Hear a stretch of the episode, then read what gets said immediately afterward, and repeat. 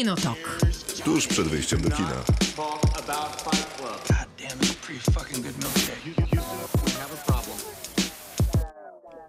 Tak, tu Krzysztof do nas zagaduje głosem jingla, ale to musimy prawda. go serdecznie pozdrowić, bo Krzysztof został dzisiaj w domu i jesteśmy we dwójkę i ostatnio się cieszyliśmy, że w końcu, w końcu w trójka, ale wracamy No czasami do tych okrojonych, okrojonych formatów.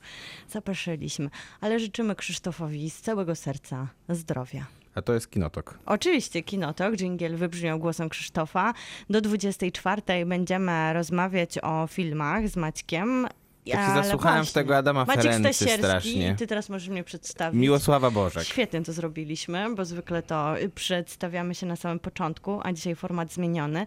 Dwie godziny wspólnie o filmach i o serialach i też oczywiście będziemy z wami, bo wasze głosy ostatnio w robocie upominacie się o nie, a później wyczerpująco odpowiadacie na zadane przez nas pytania, na tyle wyczerpująco, że coraz trudniej jest nam znaleźć jakieś Tutaj pewnie zawsze No chcemy trochę wam zaimponować, jakieś głosy, które mogłyby Tak, wam dokładnie. zaimponować. Nie no, na szczęście w tym tygodniu chyba zostawiliśmy sobie furtkę taką bezpieczną, że... Nie przeczytamy wszystkich Po odpowiedzi. pierwsze, a po drugie w każdym chyba mieście, przynajmniej w Stanach Zjednoczonych, nakręcono jakiś film i To on, prawda. i to miasto było ważnym jego bohaterem, więc jesteśmy w stanie coś nawet na, na szybko... w- Ja w ogóle potraktowałam to dużo Poważniej. bardziej swobodnie, No, nie swobodnie i stwierdziłam, że fikcyjne miasta też Ach, e, rozumiem. są opcjonalne.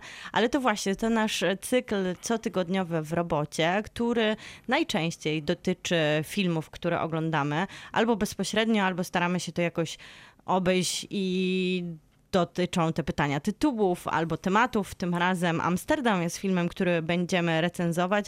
Dzieje się ten film w dwóch w Europie i w Stanach Zjednoczonych, również przez chwilę w Ams- Amsterdamie i często pada ten Amsterdam w takich w pretensjonalnych dialogach. scenach, na przykład na zbliżeniach na twarz bohaterów, którzy mówią po prostu słowo Amsterdam. I zadaliśmy wam pytanie o miasta, filmowe miasta i będziemy oczywiście najpierw wasze głosy czytać, a później sami dorzucimy kilka filmowych lokacji i Tak. będziemy oczywiście recenzować film Amsterdam. Tutaj chyba padł spoiler, Ależ bo nie. wybrzmiało chyba już, że film mi się nie podobał, ale... Ależ możliwe, że zmienisz jeszcze Właśnie. zdanie, jest jeszcze szansa. Ale będziemy też mówić o serialu, o którym teraz wszyscy mówią i jakże się cieszymy, że w końcu też dotarł do Polski, bo data premiery w Stanach Zjednoczonych to czerwiec tego roku i trochę poczekaliśmy, bo nie wszystkie produkcje jeszcze, w sensie nie wszystkie firmy produkujące telewizje i platformy są w Polsce, a to telewizja FX i dzięki Disney Plus możemy oglądać serial The Bear, który jest tłumaczony w Polsce na niedźwiedź, ale myślę, że możemy zostać przy oryginalnym tytule. Myślę, że tak, szczególnie, że on się nie odnosi jednak do literalnego niedźwiedzia, z- tylko się odnosi bardziej do Ksywki. ksywki głównego bohatera, który jest wziętym kucharzem. A na koniec będziemy recenzować i opowiadać wam o. To nie wiem, czy można to powiedzieć w filmie, bo to jest taki raczej TV To jest special. taki Hollywood, e, Hollywood, Halloween special. Halloween Christmas special, zrobiony e, pod auspicjami i Disneya i Marvela, no bo to są jednak te jedna sta- stajnia teraz. E, A chodzi o Wilkołaka nocą, fi, film 54-minutowy, e, w którym zostaje wprowadzony prawdopodobnie, ale nie wiemy tego No do końca, właśnie. nowy bohater do jakiegoś pewnie szerokiego uniwersum MCU. Które przecież już tak szerokie, ale czemu nie Dokładnie. rozszerzyć go znowu? E, I jest to oczywiście, jak sama nazwa filmu wskazuje, wilkołak. I e, ciekawy pomysł, w ogóle bardzo, Tutaj już czuję, Maciek, że spoilerujesz. bardzo, ciekawa reżys- bardzo ciekawy element reżyseria. Tak. Z reżyserią se- filmu zajął się Michael Giacchino, czyli kompozytor, Kompozytor. muzyki filmowej, który też stworzył muzykę oczywiście do tego filmu, bo pewnie, bo nie mógł się pewnie oprzeć. Ja się bardzo dzisiaj cieszyłam, że Maciek zaimponujesz i mi, i naszym słuchaczom swoim wyśmienitym włoskim. Powiedziałam, że będziesz pięknie nazwisko kompozytora slash reżysera tutaj wymawiał. Tak będę Dobrze, robił. że jesteś. A my zapraszamy do 24.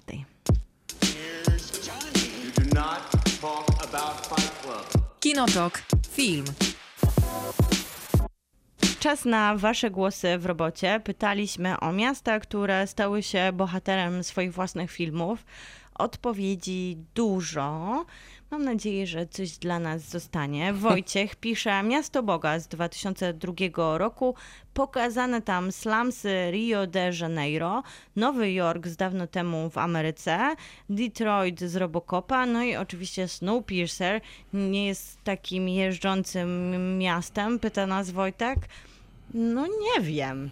Bo on jest bardziej taką jeżdżącą społecznością, Jest takim bardziej jeżdżącym przekrojem. państwem. Tak, przekrojem społeczeństwa niż jednym miastem. Bardziej takim ludzkim zbiorem, który właśnie może i tworzy taką dużą zbiorowość jak państwo, ale Bardziej tak, państwo czy jakiś taki obóz koncentracyjny. No nie wiem jak to określić. no ale dobra. Nie kocham tego filmu za bardzo, więc Snowpiercera? Maciek, nie bluźnij. ja zawsze się przyznam do takich rzeczy, a Tak, potem, a później się potem ludzie na ulicy się do mnie odzywają i Mówią, są problemy. chodź z nami pooglądać Snowpiercera, my ci wytłumaczymy jak A jest. propos ludzi na ulicy, to, O, to jeszcze, to jeszcze przerwę, przerwę nasze w robocie. Chciałem przypomnieć, że yy, zadebiutowaliśmy w telewizji. Maciek, Ten- ty zawsze po prostu jesteś na miejscu. Dziękuję.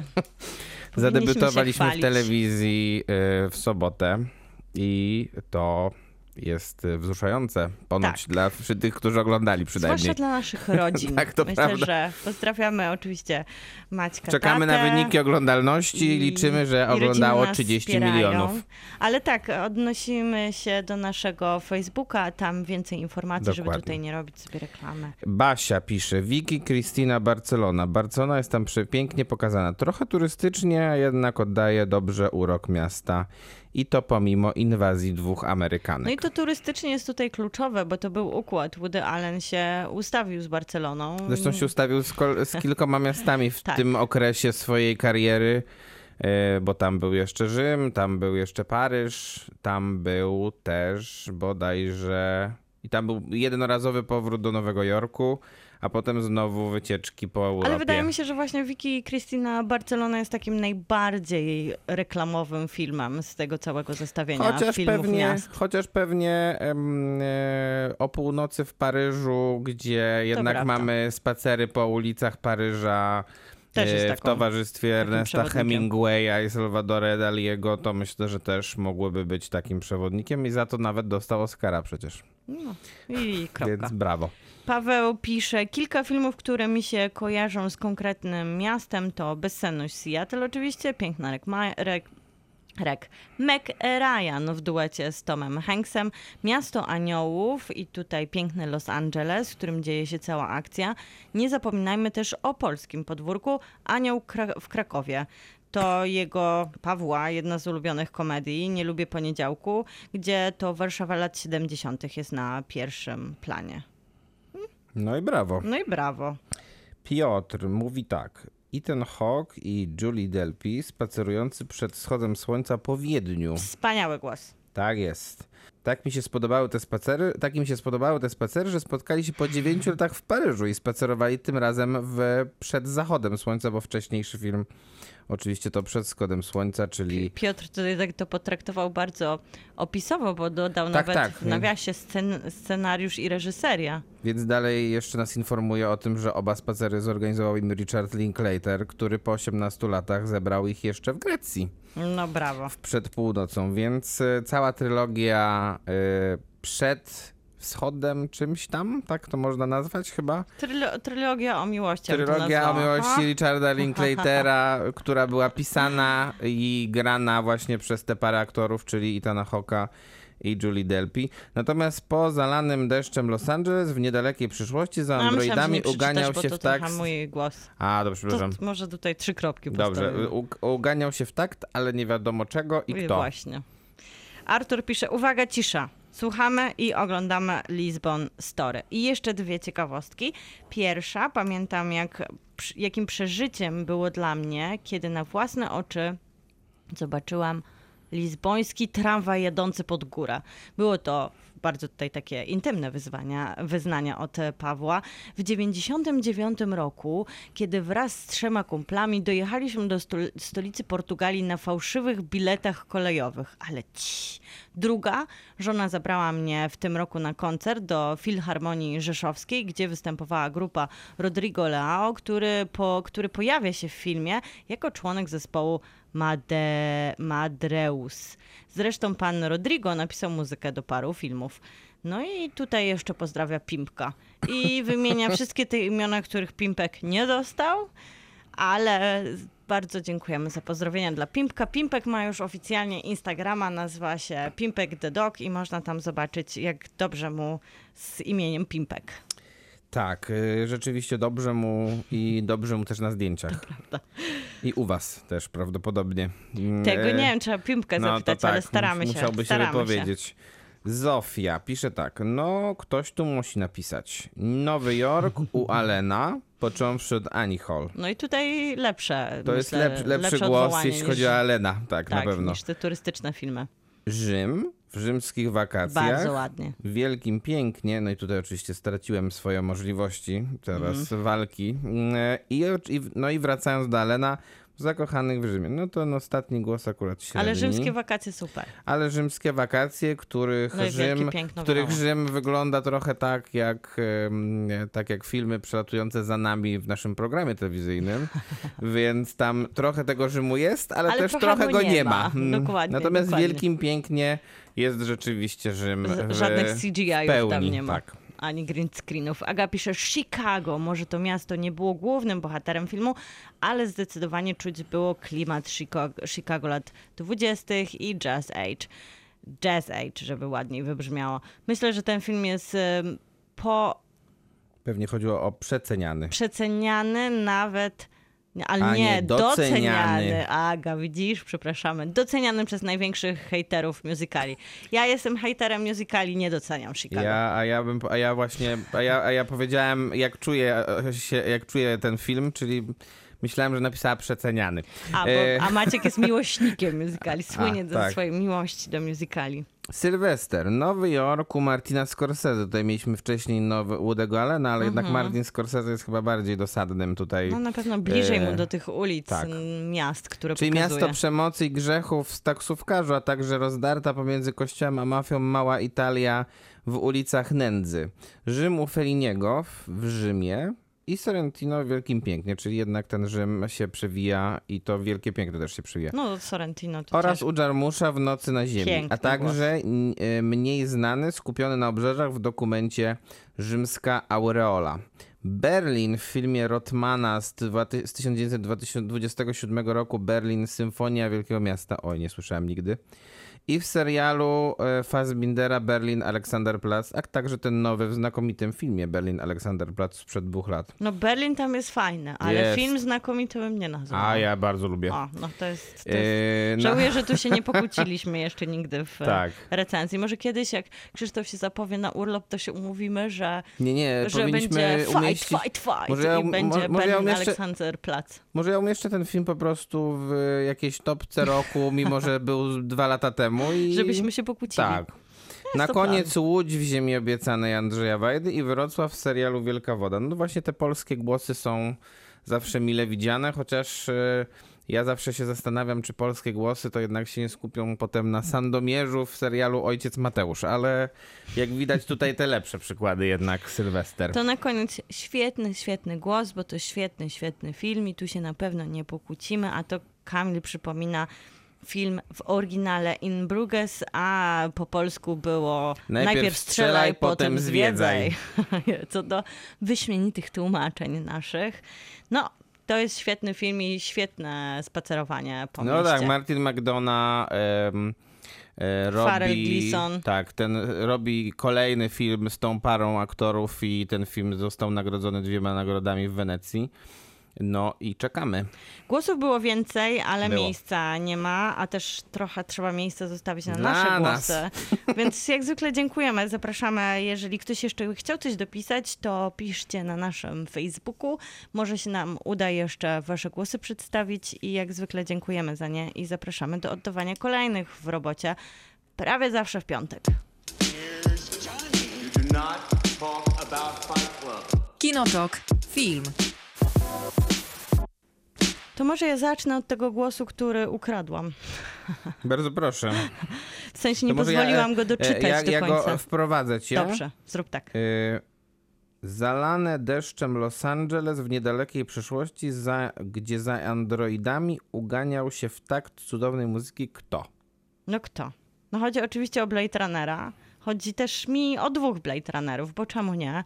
Oczywiście. Oczywiście całą historię rozpoczął Ridley Scott w 1982 roku i rozpoczął ją w ten sposób, że wydaje mi się, że nawet jeżeli się zdarzyło, że ktoś Blade Runnera nie widział w swoim życiu, Mhm. czy tego oryginalnego, czy tego, który Denis Villeneuve ostatnio nam zaserwował, to zna tą rzeczywistość Los Angeles z Blade Runnera, że ona tak wgryzła się w popkulturę, tak mocno w 80-tych latach Ridley Scott zobrazował swoją wizję, futurystyczną wizję Nowego Jorku, że ona stała się częścią naszego wyobrażenia o tym, jak właśnie wyglądają te ulice przysz- przyszłości, jak wygląda to ciężkie, brudne, mroczne miasto, które wiadomo z odległości ma te ogromne budynki, na których wyświetlane są te ogromne hologramy, które też wróciły do Blade Runnera 2049 e, Villeneuve też pokazał właśnie takie miasto futurystyczne,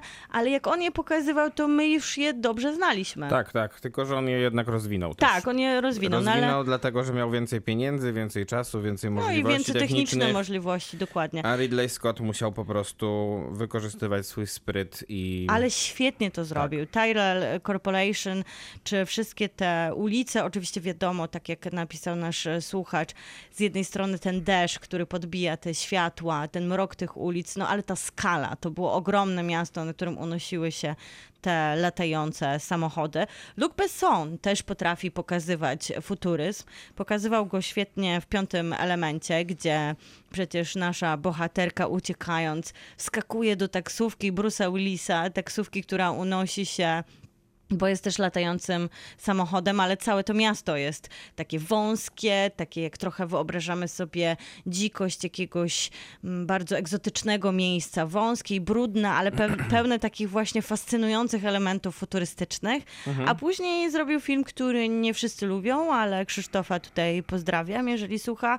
To oczywiście Valerian i Miasto Tysiąca Planet, czyli w piątym elemencie A ja był... też raczej lubię. No i właśnie, tam też jest super wykreowany ten futurystyczny świat, te miejsca, ten targ, do którego jedziemy z bohaterami, który jest wielkim takim państwem, miastem i, i dzieje się tam wszystko i jest dokładnie tak, jak chciałabym, żeby było w futurystycznych opowieściach. Co robimy na przemian, czy... Nie, nie, możesz mówić, ja, ja tworzę tutaj listę, bo Rozumiem, generalnie szanuję. musiałem powykreślać No to strasznie ja- dużo. To ja jeszcze dodaję Terego Gil Gilliama i jego Brazil, czyli The City, jak on to nazwał. I myślę, że bez The City nie byłoby Gotham. Jest to dokładnie taki punkt wyjścia, że ta niesamowita wyobraźnia Gilliama, którą on zawsze potrafił operować tak wspaniale, taka jednak obłąkana w Brazil, taka roztrzęsiona, ale też taka niesamowicie intensywna. Czujemy się, jakbyśmy byli w The City razem z bohaterami. Ona była podwalinami do wszystkich Dark City, do myślę, że też miasta zagubionych dzieci. To wszystko wydarzyło się dzięki temu, jak otworzył na świat wyobraźni Terry Gilliam w Gla- e, Brazil. Były głosy, że Gotham. Ja tutaj tak Były, zestawię tak, takie ciekawe zestawienie, że mamy Gotham jako miejsce Batmana i mamy Metropolis jako miejsce Supermana Mhm. i Frank Miller tak pięknie podsumowywał kiedyś te dwa miasta. Powiedział, Metropolis to Nowy Jork za dnia, Gotham City to Nowy Jork nocą. I myślę, że super są te jedne wyobrażenie tych mroków takich gęstych i koszmarów dla człowieka, a nie superbohatera, a później jest superbohater i on zawsze żyje w słońcu, bo Superman to zawsze w słoneczny nastrojach Metropolis e, był. No i oczywiście London Below, czyli Neverwhere, czyli Nigdzie Bądź w tłumaczeniu, to Neil Gaiman i jego serial, który tak naprawdę był pierwszy niż książka, to się rzadko zdarza. On najpierw dla telewizji z, z, w latach 90. opowiedział właśnie taką historię, wspaniałą historię o mieszkańcach Londynu, którzy nie są świadomi, że pod Londynem jest drugi Londyn, właśnie ten podziemny Londyn, gdzie przychodzi się takim mrocznym mostem, dokładnie jak z Tolkiena przecież, więc jest taka mocna, głęboko ukorzeniona fantastyka i dochodzi się do tego, no, tego takiego fascynującego, odwróconego, dzikiego Londynu, pewnego, pełnego różnych dziwnych stworzeń i pociągów bez rozkładu jazdy. To jest wszystko takie podniecające. I tak jest z drugiej strony do wyobrażenia. To może trochę być też um, takie klasistowskie opowiedzenia o tym, że są takie sfery Londynu, których niektórzy Londyńczycy nie znają. I do tego się świetnie odnosi serial Arcane, który dokładnie mhm. też pokazał dwa miasta, które się przeplatały, to był Piltover i Zatun Zaun, przepraszam, gra Riot Games, a później opowieść animowana o dwóch siostrach i o dwóch światach, o dwóch różnych rzeczywistościach, które się przenikają. Wspaniała animacja na Netflixie do znalezienia. I trochę też myślę, że lości stworzyli własne, bo to nie jest miasto, ale kiedy można powiedzieć, że miasto jest e, wyspą, im się udało stworzyć takie miasto-wyspa, ale tam jest miasto. W jednym z e, kolejnych sezonów, a było ich sporo, ale to chyba gdzieś na wysokości trzeciego albo czwartego, pojawia się miasto, o którym nie wiedzą ci, którzy się obudzili na plaży i zaczyna się piosenką Downtown i wtedy wszyscy w tym mieście na wyspie się budzą i żyją sobie w całkiem normalnych warunkach, kiedy nasi bohaterowie, których dobrze znamy z plaży, musieli przecież walczyć nie tylko z niedźwiedziami polarnymi, ale z trudną sytuacją. No i wydaje mi się, że fajnie wspomnieć. A, oczywiście.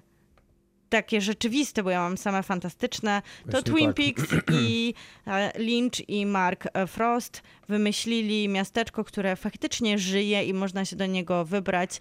Dawid Junke nasz doktor kulturoznawstwa z Uniwersytetu Wrocławskiego, nasz mówię, nasz częsty gość, nasz, nasz kolega i nasz własny doktor, wybrał się ostatnio do Stanów wykładać właśnie polskie kino w kontekście amerykańskiego kina, ale wybrał się też do Twin Peaksu, do tego słynnego miasteczka i pił kawę w Double Air Diner, gdzie kawę piją bohaterowie. I tam to miasteczko jest częścią całego serialu. Ono tworzy te napięcia, ten las, który okala miasteczko jest tym, co przerażające, ale każde miejsce, w którym dzieje się akcja, bardzo dodaje bohaterom, którzy są bardzo konkretni. No i podobnie jest chyba w Buffy Postrach Wampirów, gdzie to miasto, to Sunnydale, czyli po prostu Hellmouth, jest takim miejscem, w którym no, jest tyle kościołów, jest tyle cmentarzy, tyle zadziwiająco nierealnych, by w takim małym miasteczku miejsc, w których mogą się pojawiać te demony, ale wszystko jest oczywiście też przeplatane kościołami, high schoolem, takim klasyki, klasykami miasta. Więc jest sporo takich prawdziwych miejsc, które są powykrzywiane. No chyba, że mamy Kolumbusa, ale to też był głos naszych słuchaczy, więc nie będę o tym opowiadać. Ale myślę, że warto też wspomnieć Hunger Games, które można lubić albo nie lubić, czyli Igrzyska Śmierci, ale świetnie są tam zbudowane te światy, zwłaszcza kiedy się przenosimy razem z bohaterką z takiego ubóstwa do tym, z tym pociągiem, którą wiezie do tego przepychu i te nierówności jeszcze zyskują. Do tej stolicy. Do tej mhm. stolicy, dokładnie. No to ja mam chyba bardziej realne te miasta. No ja miałam na przykład jeszcze King's Landing jako miejsce, które w sumie nikt by nie chciał tam być, ale wszyscy chcielibyśmy je odwiedzić. No to z tych nierealnych to ja mam jednak rzecz, którą, której nie powinienem w sumie ja mieć, bo powinien ktoś znaczy? tutaj, powinien ktoś tu być inny, który by mi, gdyby to przeczytał. Trzeba zatrudnić kogoś, kto będzie te głosy, Maciek, tak. nie twoje rzucał. Jest to Wakanda. O!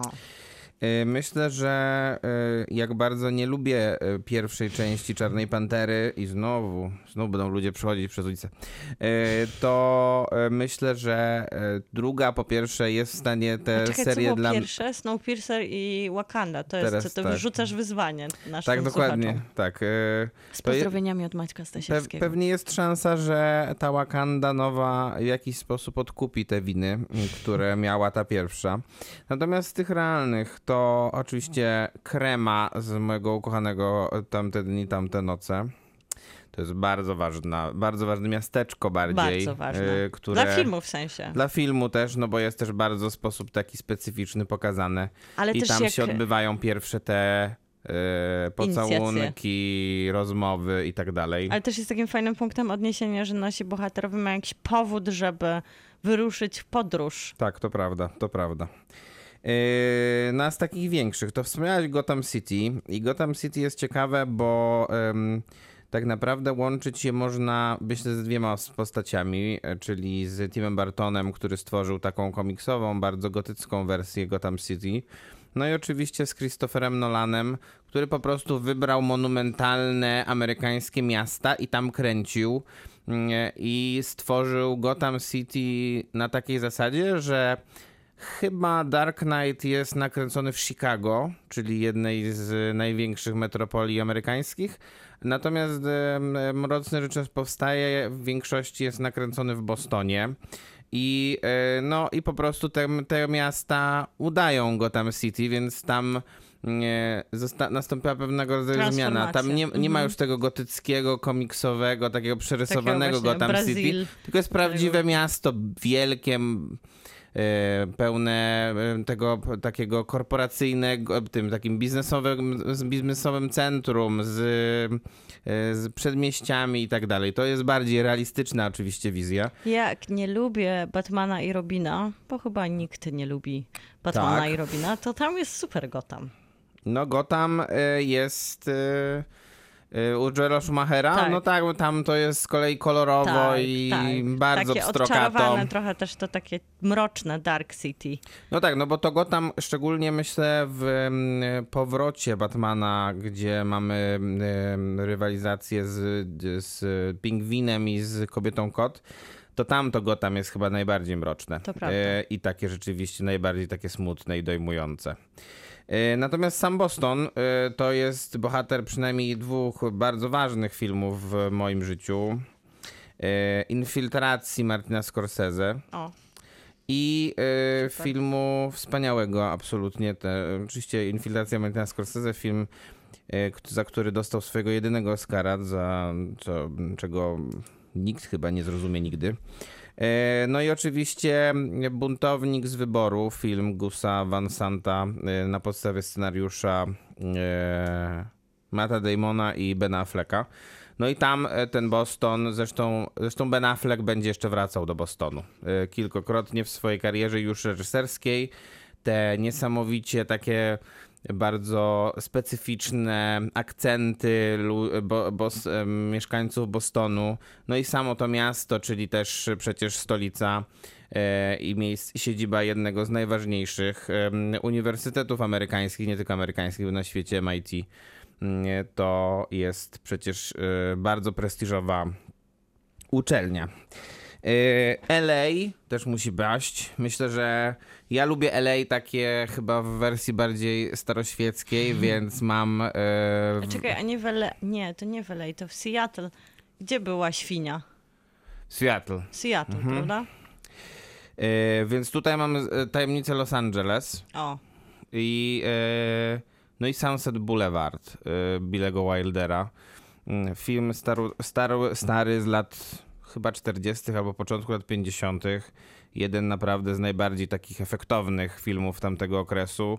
Mm, No to była złota era Hollywood rzeczywiście w pełni i ten, mm, ten, to, to Hollywood pokazane właśnie tam, czyli no nie, nie, nieodzowny element LA, mm, to, to, to Billy Wilder potrafił robić e, niesamowicie. Ważnym miejscem i tutaj pozdrawiam Dianę Dąbrowską. Nie jest tym razem Rzym, bo o Rzymie to co drugim głosie było. tak, tak, Rzym popularny Ale jest jednak słuchaczy. Neapol też. Neapol, który mi się kojarzy na pewno z trzema filmami. E, Po pierwsze z dwoma filmami takimi bardziej pozytywnymi, czyli e, z biografią Diego Maradony, e, Asifa Super Kapadi. pokazującą dynamikę miasta i w ogóle to, jak Tak, żyli dokładnie. tym I tak samo pokazuje dynamikę miasta, światowym. myślę, Hand of God, najnowszy film Paolo Sorrentino, chociaż mo, można tutaj się dyskutować, czy taki, do, czy taki do końca udany. Natomiast w, in, w inny sposób pokazuje to miasto z kolei Gomorra Matteo Mhm. Garrone na podstawie, na podstawie książki, i która też potem została prze, przeobrażona w serial.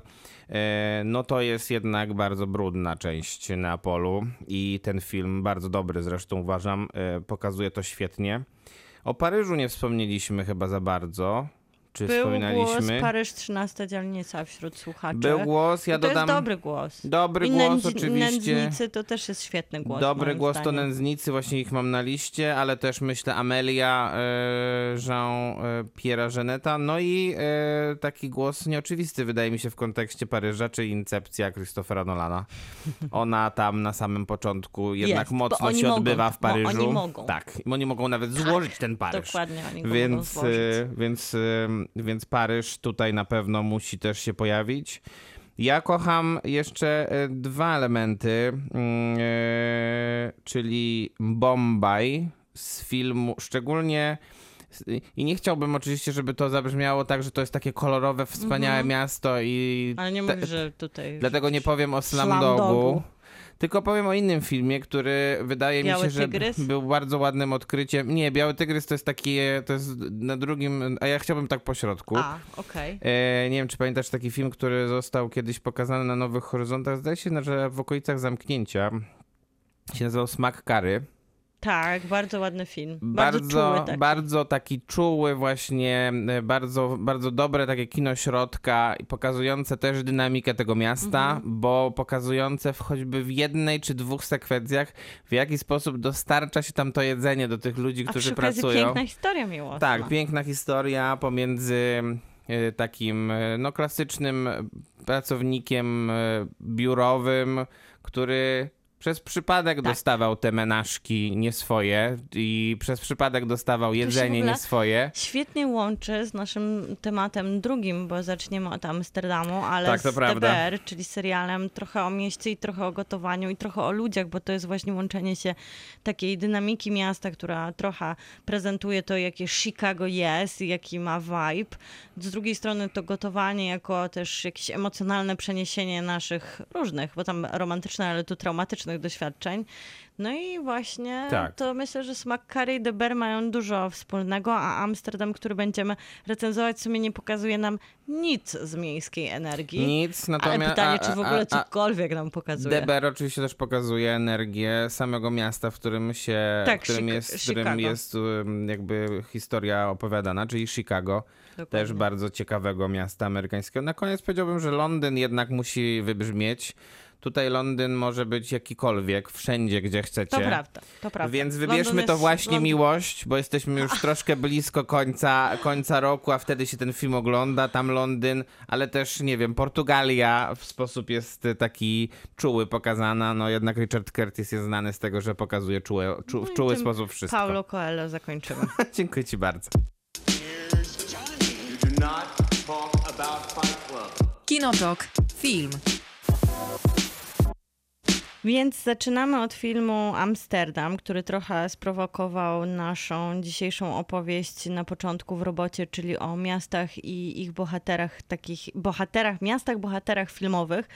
Ale okazało się, że bliżej tym bohaterom i miastom do The Bear, czyli kolejnego naszego punktu programu, niż do Amsterdamu, w którym samego Amsterdamu praktycznie nie widzimy. To jest słowo, Nie, nie, które... nie ma ich, nie ma go chyba w ogóle, bo jest wszystko chyba jest w, w, mieszkaniu Tak, właśnie. tak. mhm. Ale opowieść jest taka, że mamy lata 30., Nowy Jork i morderstwo. Morderstwo, które naznaczyło Stany Zjednoczone. Jest to jedna z takich największych, przynajmniej tak e, to media opisywały, zagadek kryminalnych w historii Ameryki. Tak, jest jest to opis- to oczywiście też historia prawdziwa, więc Znaczy może... inspirowana prawdziwą A czy historią. prawdziwa jest ta, ta morderstwo, ta Tak, tak, zagadka, tak. to co się wydarzyło wtedy w latach 30., ale ci bohaterowie i cała ta Są opowieść wymyśleni, wokół tak, są tak. wymyśleni na potrzebę no właśnie, Oparte jest, o to, o, co- historii to, oparte jest filmowej. tak, to o coś takiego, co się nazywało business plot i to miał być taka, takie, taka polityczna próba, próba zamachu stanu e, i zmiany rządu i wprowadzenie e, dyktatora faszystowskiego w miejsce Franklina Delano Roosevelta, który wtedy był już na etapie wprowadzania tych wszystkich reform New Deal i tak dalej i, e, i oni komunistę chcieli ściągnąć z z stanowiska prezydenta i wprowadzić tam jakiegoś generała, który, który miał, być, e, miał być ich takim faszystowskim dyktatorem, bo on byłby pewnie jakoś inspirował tłumy, a wszystkim by zarządzali ci, ci ludzie, Behind the scenes. którzy, y, ci przedsiębiorcy, Mhm. którzy, którzy się dorobili na pierwszej wojnie światowej, a już zaczynali się pewnie też dorabiać na po, już, już zbliżającej się drugiej. Dokładnie. I mamy z jednej strony ten fundament taki bardzo historyczny, który nas sprowadza w kostium dobrze, w niektóre zarysowane gdzieś no, historie związane z kształtowaniem się wtedy Ameryki i wielkim dramatem Europy, ale też mamy historię trójki ludzi, którzy są głównymi bohaterami. To jest Christian Bale, Margot Robbie i John David Washington. Prawnik, czarny prawnik, w tamtych czasach rzecz niepojęta w Stanach Tak. Zjednoczonych. I chociaż ten rasizm jest tutaj namalowany w Amsterdamie, to wydaje mi się, że ledwo co naszkicowany w kontekście tego, że wtedy w Stanach nie byłoby takich rozmów i Nie. ten czarny prawnik nie znajdowałby się prawdopodobnie w pokoju z białymi, bardzo zamożnymi przedstawicielami elit. Jeszcze Margot- długo by tak nie było, bo to Długo były by lata tak 30. Nie było, dokładnie. Chociaż fakt, ten, ten moment spotkania Christiana Bale'a i Johna Davida Washingtona, czyli wojna, jest takim momentem, w którym faktycznie można było spotkać czarnych żołnierzy, bo podobnie No, było później w walczyli, wojnie tak, w Wietnamie, oni byli najszybciej po prostu listowani. Więc y, I- Washington jest prawnikiem, Tak. Bale jest lekarzem, który eksperymentuje z różnymi substancjami, No, stara zaczyna się... chyba eksperymentować po wojnie, kiedy Tak, który ogólnie stara się wymyślać tak, leki, które mu pozwolą przetrwać po prostu te rany, które wciąż się nie zabliźniły do końca, literalnie nawet. Dosłownie, tak. I E, spotykają no i jeszcze w, trakcie, w trakcie wojny Margot Robbie jako taką szlachetną i uwodzicielską pielęgniarkę, która wyciąga z ich ciał rany, a swoją osobowością leczy ich traumę i I tworzą to taki tandem. Tak, jest trójka aktorów na pierwszym planie tego filmu. A jeszcze jak teraz sobie teraz policzyłem, o ile dobrze policzyłem, to jest jeszcze 12, Nie ma 12 sensu aktorów wymieniać tych i aktorów. wszyscy są znani. A-list. Wszyscy sensie są lis- lista takich s- topowych tak, wszyscy są topowymi nazwiskami. Czy to teraz, czy wcześniej, czy na zawsze, jak Robert No, De Niro. Robert De Niro, dokładnie. A czy teraz to na przykład Anna Taylor-Joy, Rami Malek, tutaj dyskutować można, czy to aktor ale dobry, czy zły, Taylor ale Swift, y, wielka niekwestionowana gwiazda muzyki. tak, wielka w sensie bardzo kochana przez Tak. Amerykę i rozpoznawalna przez prawdopodobnie każdego Amerykanina. Tak, to jest taki film A-listowy, czyli nieważne jak daleko w tle stoi bohater, to on jest rozpoznawalny przez każdego z widzów i trochę czekamy, na którym zakręcie i za którymi drzwiami będzie kolejna gwiazda, której się nie spodziewamy. Trochę to, to jest je- jedno z niewielu Tak. za rzeczy, które niesie film, tak, że tutaj po raz kolejny i kolejny i kolejny w kolejnej drugoplanowej odsłonie jest wielkie nazwisko, a za kamerą David O. Russell, czyli reżyser nierówny. Reżyser, który stworzył film, e, wydaje mi się, bardzo, bardzo, no nie wiem, czy to, to, to też nie jest taki reżyser arcydzieł, który mógłby gdzieś mieć nie, bo to są... to są takie, takie filmy bardzo poprawne, jak na przykład Fighter, czyli które się świetnie sprzedały, komercyjne sukcesy. Tutaj też Christian Bale. Dużo w też Oscarów takiej, tak, bardzo oscarowej roli. Taka bardzo patetyczna, amerykańska historia, którą Amerykanie kochają. Po prostu to jest, to jest ich kino. Oni się przypomnę, że- uwielbiają wzruszać. Tak, ostatnie cztery filmy Davida. Russella, czyli Fighter właśnie, American Hustle. American Hustle, Poradnik, Poradnik. Pozytywnego Myślenia i Joy. To są wszystko filmy, które, mia które miały chociaż jedną nominację aktorską, a American Hustle i Poradnik Pozytywnego Myślenia miały cztery Rozbijały nominacje bank. aktorskie w każdej kategorii. Tak. Więc, a zresztą Fighter nie był też daleko, bo zabrakło tylko nominacji dla Marka Wahlberga i też by była ta sama sytuacja. No ale, ale to są filmy, co, co ciekawe, American Hustle nie jest filmem lubianym przez krytykę. Nie. Ja na przykład lubię, ale lubię w takim bardziej wymiarze guilty pleasure, niż że będę bronić tego filmu, że to świetne kino jest. A poradnik pozytywnego myślenia, no to jest po prostu taki niby z pomysłem romkom, ale no to też kino wybitne To z kolei nie ja jest. lubię Poradnik lubię. Pozytywnego Myślenia ale chyba najbardziej. kino nie jest to. Natomiast y, ważna rzecz jest taka, i to jest jakby moje podejście do kina Davida O. Russella. Dla mnie to są takie filmy, które ogląda Na się... niedzielę. Obejrzało się te dwie godziny, czy te dwie godziny z lekkim hakiem i generalnie nie wyciąga się z tego za bardzo nic i można następnego dnia zapomnieć o tym, że się obejrzało film.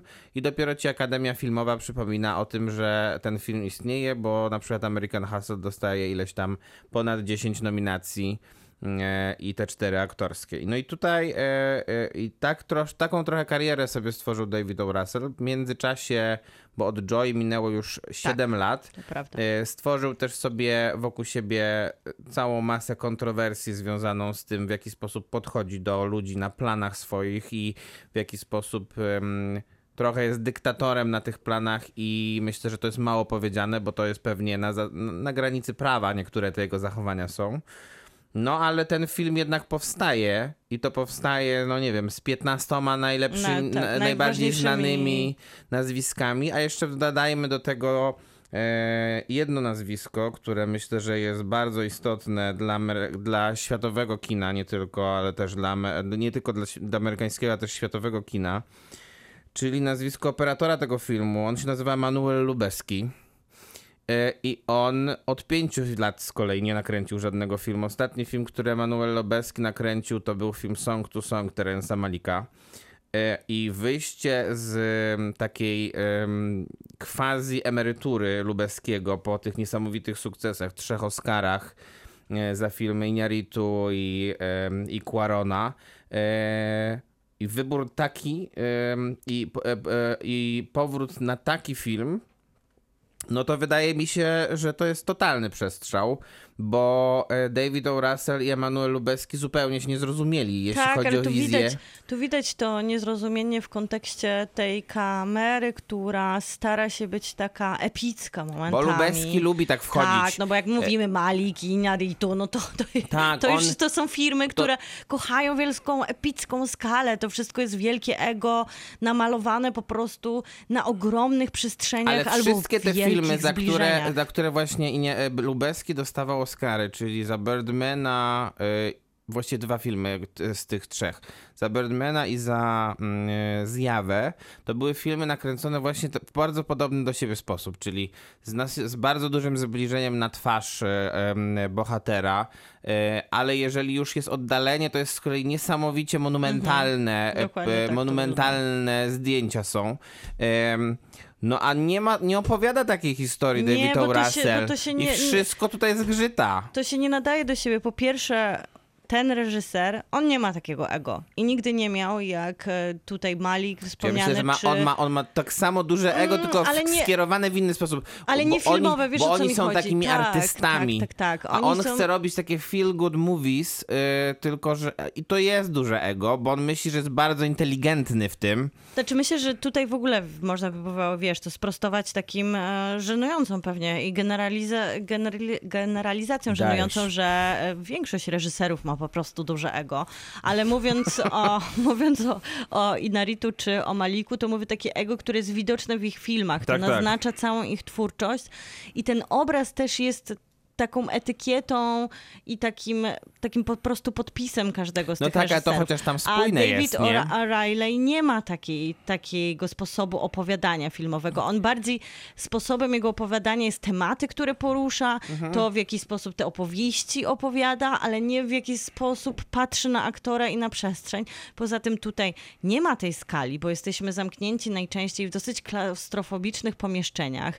Jest tyle aktorów, że nie możemy robić epickich ludzkich zbliżeń i w, po prostu wpisywać się w ich twarze, bo nagle jest ich 16 na, na pierwszym Ta i kamera powinna latać za nimi, a tak, nie, i, a nie dodawać wchodzić. też tempo, bo jesteśmy w tym ka- kawałku lat 30., gdzie e, mamy stroje, gdzie mamy scenografię, gdzie chcemy zobaczyć te rzeczy, ale jedno z drugim zaczyna się wykluczać. Ta Nie, nie, kamera gubi potencjał po Właśnie prostu. o to chodzi, bo e, generalnie jakby na to spojrzeć z, jakby ten film był bez ty, takiej ilości dialogów, jaka tu jest, to pewnie... E, Pewnie byłoby może miejsce do nadrobienia I, i to paru miejsce i ta, wizualnych tak, smaczków. dokładnie. I te zdjęcia pewnie by wtedy pasowały, bo, mm, bo, ten, bo te scenografie, tak jak powiedziałaś, te kostiumy, ten cały Nowy Jork, mm, czy te, czy te sekwencje, ewentualnie nawet te wojenne, one trochę wymagały tego, żeby rzeczywiście pokazać je w sposób bardzo efektowny, właśnie taki monumentalny, taki jak,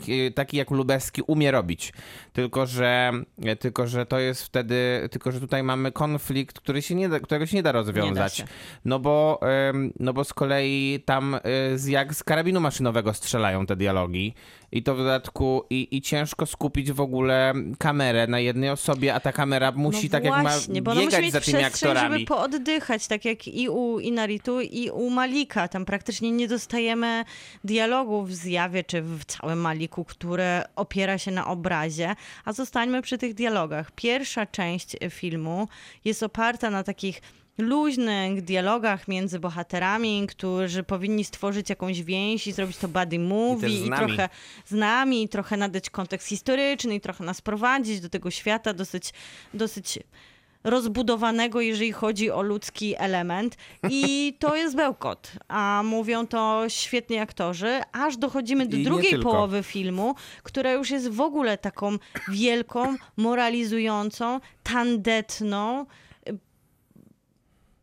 bełkotliwą pozostaje, ale chyba bardziej jednak tandetną opowieścią o tym, jak ważne są dla nas takie Wartości. ideały jak miłość, braterstwo i pokój tak, i i, wolność i wypowiadane w taki bardzo odrealniony sposób, po prostu wycięty z kontekstu historii, nagle w takich pięciominutowych, dosyć źle napisanych i ciężko tu powiedzieć, że źle, źle zagranych, bo tu nie ma Nie, przestrzeni nie, do bo gry. właśnie, właśnie to jest ciekawe. dia- takich monologach, które jak się wyszliśmy, pojawiają. jak wyszliśmy z tego filmu, to, to powiedziałaś taką rzecz, z którą się bardzo zgadzam.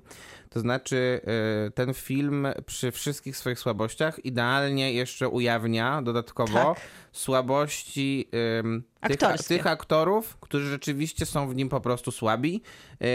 I bardzo, wzma- bardzo wzmacnia ten kontrast pomiędzy nimi A dobrymi tymi aktorami. wybitnymi aktorami, którzy przecież na tym ekranie też są, bo to można ich naprawdę łatwo podzielić. Y, Bo jest Christian Bale, jest Margot Robbie i jest Anya Taylor-Joy e, i jest Michael Shannon i jest, Jest Robert, Robert i jest De Robert Niro, De Niro. jest Robert De I, Niro. I ta piątka aktorów, Moim co by zdaniem- nie powiedzieć o tych postaciach, to jeszcze robi jakąś robotę. Andrea Riceborough? Riceborough stara się.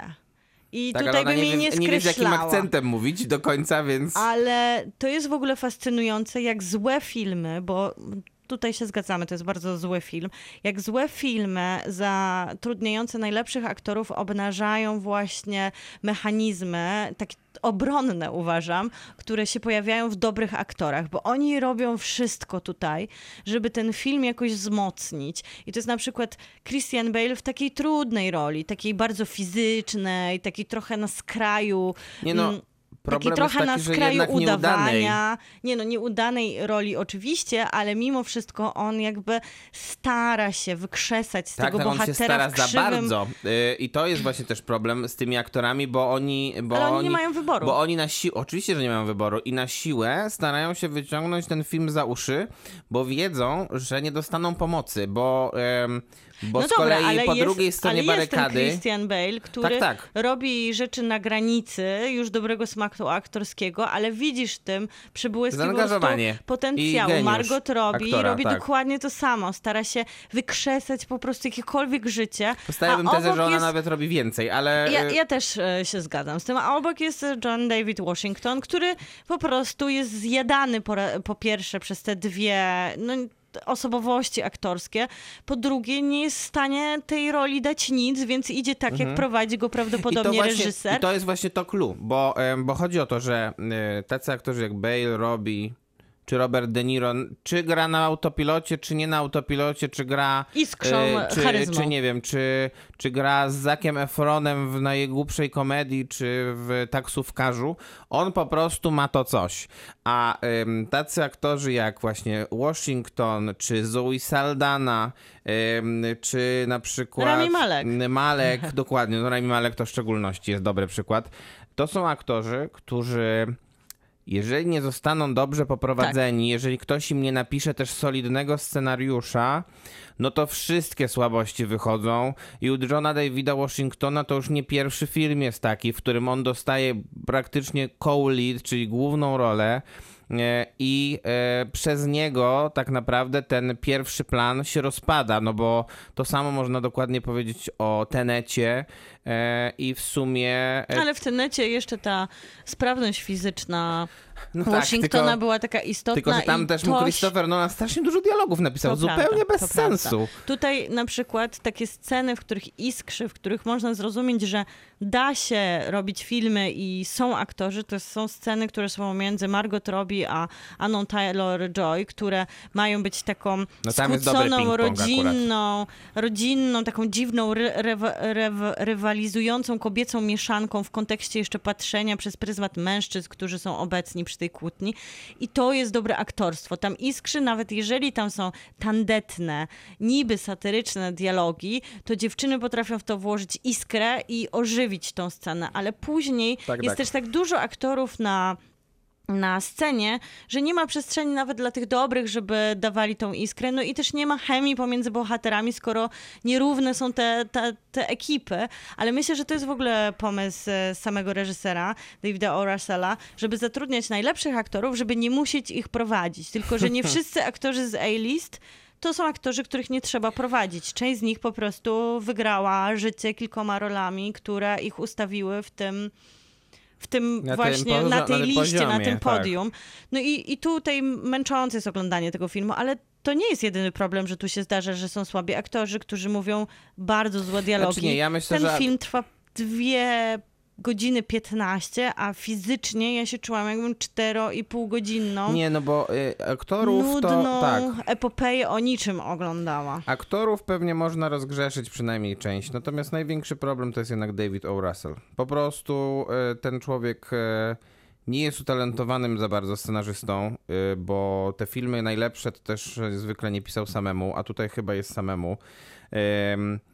Nie rozumie się ze swoim operatorem, y, co już ustaliliśmy, no ale też nie rozumie się sam ze sobą, no Ze bo, swoją historią no się bo on, rozumie. bo on nie wie za bardzo, jaką chce historię opowiedzieć, nie wie, jaki gatunek wybrać, trochę bo kryminał, jest tak, trochę dokładnie, jest thriller, Agata Christie. Trochę romans, trochę a, historyczny a miałaby film. być jeszcze komedia, Trochę tylko zabrakło tak. punchline'ów, więc... Trochę też walka o prawa dla tych wszystkich, którzy są uciśnieni od prawa dla Weteranów. O, właśnie, dla, Tak. więc mamy nierówności społeczne na poziomie właśnie elity, a biedni. Mamy wojnę, mamy weteranów, mamy czarnych i mamy białych, mamy kobiety i mamy mężczyzn, mamy wszystko i wszystko mówi najbardziej tandetnymi dialogami na obronę tych wszystkich mniejszości, wypowiadanych jak na, na kartkówce w szkole podstawowej. A teraz Janek, stań i powiedz, co myślisz o tym trudnym temacie. To ja powiem tak, że najważniejsze to jest pokój i najważniejsza to jest miłość i najważniejsza to jest miłość i równość i braterstwo. No to jest tak, jak się pyta e, kandydatki na Miss Universe, e, co by zmieniły na świecie i one by chciały doprowadzić One, do pokoju na one wszystkie świecie. mają napisane jedną formułkę. Tak, no i, no i niestety ten film trochę tak wygląda, właśnie jak od linijki zrobiony, ale ta linijka też się troszkę chyba połamała i, e, i ten, ten... Ale ktoś ciągle ruszał kartką. Tak, i też, i, a, a ten ołówek to się już wypisał, więc...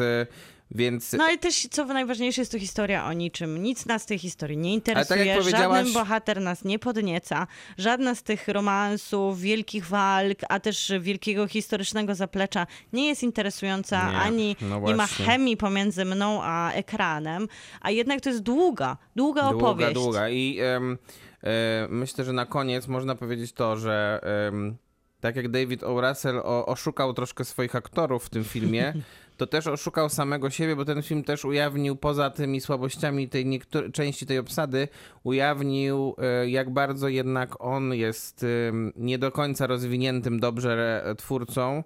No bo te inne filmy wcześniejsze, o których rozmawialiśmy, one się lepsze. broniły Mhm. czym innym niż jego scenariuszami czy jego stylem reżyserskim. A tutaj jak e, zabrakło nie dość, zabrakło aktorów w dobrej formie, e, zabrakło prowadzenia niektórych aktorów, no to widać, że król jest nagi niestety. Ale jest jeszcze coś. Jest jeszcze coś, co doprowadzało mnie do szału. Ten film jest strasznie pretensjonalny. Nasza bohaterka Margot Robbie, jej bohaterka, a Margot Robbie wspaniała aktorka, dostaje artystkę, która jest otoczona tak pretensjonalnymi zabiegami dotyczącymi jakiegokolwiek artyzmu, Artyzmu. i geniuszu niby tutaj pisanej bohaterki, że wprowadzało mnie to ciągle w japoński Ale wstyd. przepraszam, a, a skąd, z czego wynika to, że oni są parą i w ogóle są zakochani w sobie? Bo Z jednego spojrzenia. no tak, wiadomo. I tam ja, jest taka em, historia w tle o tym, że jakby, jak jesteś dzieckiem, to patrzysz komuś w oczy i trzy kropki, bo tutaj Paulo Coelho mógł to dopisać, ale, ale nie, zrobił to David O. Russell i zrobił to bardzo źle. No ja wystawiam 1 na 10 yy, i myślałem, że wystawię więcej. Ja myślałam przez cały film, że dam 3 na 10, bo jednak mam Michaela Shannona, którego dawno nie widziałam i się A to cieszę, lubisz że sobie na niego popatrzeć. No Ja po tak. prostu się cieszę, że, że, że wpadł, że jest, że tam czasem coś opowie o tych ptakach. Ja nie wiem, dlaczego on to robi i po co my tu wspólnie jesteśmy, ale miło go widzieć. Znaczy problem jest taki, że w kontekście na przykład ocen, które wystawiliśmy filmowi No Patryka. Wegi, e, To to jest wystawianie, dużo lepszy film. wystawianie temu filmowi 1 na 10 jest trudne, ale z drugiej strony uważam, że tak duży jest jednak kaliber talentu e, i na ekranie, i też za, za kamerą, niekoniecznie w osobie reżysera, ale bardziej w osobie scenarzysty, e, w osobie, przepraszam, e, operatora, e, no że jednak nie, nie mogę chyba wystawić wyżej. Ja dam 2 na 10 za to, że jednak udało mi się zgromadzić pieniądze, żeby zapłacić tym wszystkim aktorom. Ale teraz, ale teraz nic się nie zwróci, bo No film, właśnie, który kosztował 100 milionów, zarobił chyba w dwa tygodnie ledwo 15 czy I 18. co to mówi o tym filmie? No to mówi o guście widowni, że jest dobry.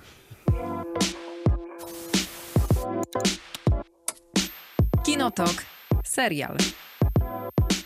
Lata to były 2000, początek lat 2000, ale nawet e, już takie głębokie lata 2000, kiedy na zachodzie, powiedzmy to tak szczerze, działy się rzeczy już w telewizji, pojawiały się seriale jakościowe, ale wciąż nie było można ich zobaczyć w Polsce i dostęp do nich był tylko brutalnie mówiąc przez różną, różną kradzież internetową, od torrentów przez streaming, aż w końcu i to tak naprawdę krócej niż dekadę zaczęliśmy dostawać te wszystkie produkcje w miarę w podobnym czasie w Polsce. I to był ból, bo nie mogliśmy być częścią jakiegoś takiego dużego, globalnego wydarzenia. Nie wyobrażamy sobie teraz, żeby omijała nas gra o tron, którą żyli wszyscy i przy każdych możliwych nagrodach, i to nie filmowych, i nie serialowych, i przy występach muzyków padały hasła z gry o tron gdzieś w okolicach finału, ale trochę przypomniał mi o tym The Bear, bo czytając amerykańską prasę, a był to czerwiec tego roku, kiedy ten serial się pojawił na Hulu, a jest to serial FX, który jest taką kuźną naprawdę mocnych tytułów serialowych już od lat, bo to przecież FX dało nam świetny Legion, który wykraczał po takie, po, poza takie wyobrażenie superbohaterskie, czy niemożliwe wtedy wydawałoby się zekra- zekranizowanie na małym ekranie Fargo. To wszystko właśnie był FX. Ten sam twórca zresztą. E, w sensie Legionu Obydwu. i Fargo, tak, to Tak. prawda, ten sam twórca. I nagle pojawia się serial FX na Hulu The Bear i cała Ameryka po prostu zaciera ręce, poci się, płacze i przeżywa i wywiatuje, a my nie mamy do tego dostępu. I I jak pięknie... prawie 4 miesiące. Tak, jak pięknie się otworzyła Polska na ten serial, a Disney nie jest łaskawy, jeżeli chodzi o reklamę swoich produkcji, jeżeli to nie jest coś e, z wielkiej kuźni MCU albo Gwiezdnych Wojen. I one czasami mogą przepaść w tym dobrobycie platformę, ale The Bear nie przepadł, urodził e, wiele miłości w sercach nie tylko widzów, ale też e, krytyków, bo nagle Wszędzie wszyscy jednym chórem piszą o tym, jakie to spełnione dzieło, a jest to dzieło spełnione z wielu powodów. Pewnie teraz będziemy laurki składać. Zacznijmy od tego, że sam twórca już jest takim bardzo dobrym producentem i twórcą kilku mocnych serialowych tytułów. Na przykład jednym to jest Rami i jest to właśnie taka świetna komedia, mm, która no, potrafi z dystansem pośmiać się z trudnych rzeczy, jak na przykład muzułmanin i jego problemy w takim świecie białych ludzi i robi to w bardzo taki sprawny i świeży sposób. I myślę, że The Bear ma coś, czego ja na przykład oglądając tyle godzin seriali tygodniowo i jestem już zmęczona, że te współczesne jakościowe produkcje, one są takie bardzo na poważnie. Że jeżeli się angażują w jakiś temat, czy to jest właśnie dramat i on będzie teraz jeszcze taki bardzo 2022, czyli musi być walczący, musi być krzyczący, musi ujawniać te najważniejsze tematy, to one są bardzo ciężkie, wymagające, bardzo udane, ale bardzo takie wyczerpujące. Później mamy dobre komedie, ale one wszystkie są takie szyte trochę pod Disneya i pod Apple'a, gdzie mamy ciepłą herbatkę zaparzoną, Cała rodzina się zbiera przed e, telewizorem i wszystko jest takie od linijki. Ale co, coraz mniej jest takich seriali, które dają mi oddech, które mają połączenie tego wszystkiego i to działa właśnie, bo jest w stanie zrobić poważne tematy i gdzieś głębiej się zanurzyć, ale dać mi poczucie humoru, fantastycznych bohaterów i co najważniejsze, nie ma przyrostu formy nad treścią, bo mam na przykład 30-minutowe odcinki, a nie 65-minutowe w formacie 8 odcinków na sezon, a nie 13, czy 12, czy 15. No i nagle się okazuje, że się da, że da się zrobić produkcję, która dla mnie połączyła dwa ulubione filmy o gotowaniu i to jest Punkt Wrzenia, który jest gęsty, klaustrofobiczny i który tutaj recenzowaliśmy, odsyłamy do recenzji. Taki mroczny i taki uff, nieprzyjemnie się od razu robi, a z drugiej strony świetne kino. I Szef Favreau, czyli kino familijne, które ma dużo oddechu, dużo gotowania, dużo poczucia humoru, dużo fajnego tempa. Wydaje mi się, że Deber fantastycznie łączy tą, ten ugór kuchni z tą lekkością takiego właśnie disneyowskiego opowiadania o ludziach, ale nie boi się tego, żeby czasem czulej na tych ludzi popatrzeć, żeby dać im jakieś małe zwycięstwa w życiu. No dobrze, myślę, że to połączyłaś, bo rzeczywiście ten, te, ja też o tych filmach myślałem, y, jak oglądałem ten serial, któremu daję od razu 10 na 10. Wiadomo, wiadomo, po Eee, mojej tutaj 15-minutowej wypowiedzi to E. jest 15 na 10.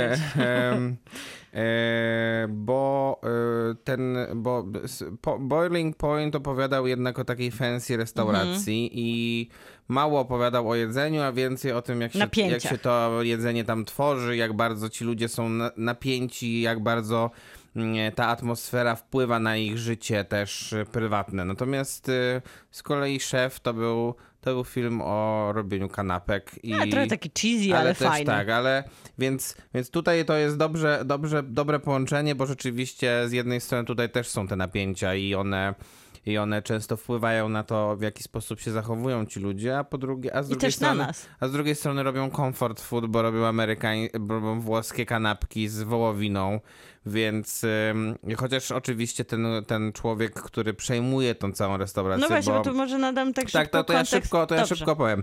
E, mamy tutaj pana, który się nazywa Carmen, Albo Carmi, albo Carmi, albo i, Bear.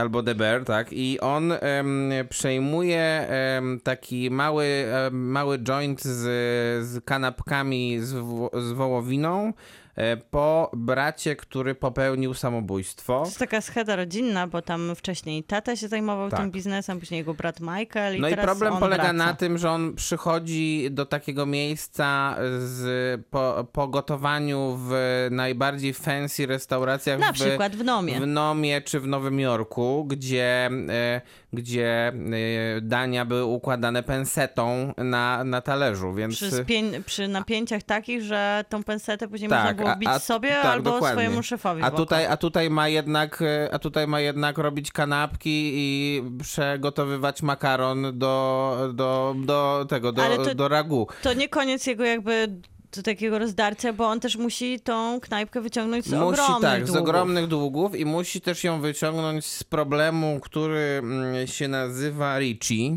a jest to e, Ja wiem, a jest to kuzyn, nie kuzyn, bo e, to jest taki człowiek, który chyba w tej restauracji jest od, od samego początku, bo był pewnie jakimś takim e, cichym wspólnikiem, pomog, pomocnikiem tego Slash przyjaciela tak, tego Majkiego, który popełnił samobójstwo.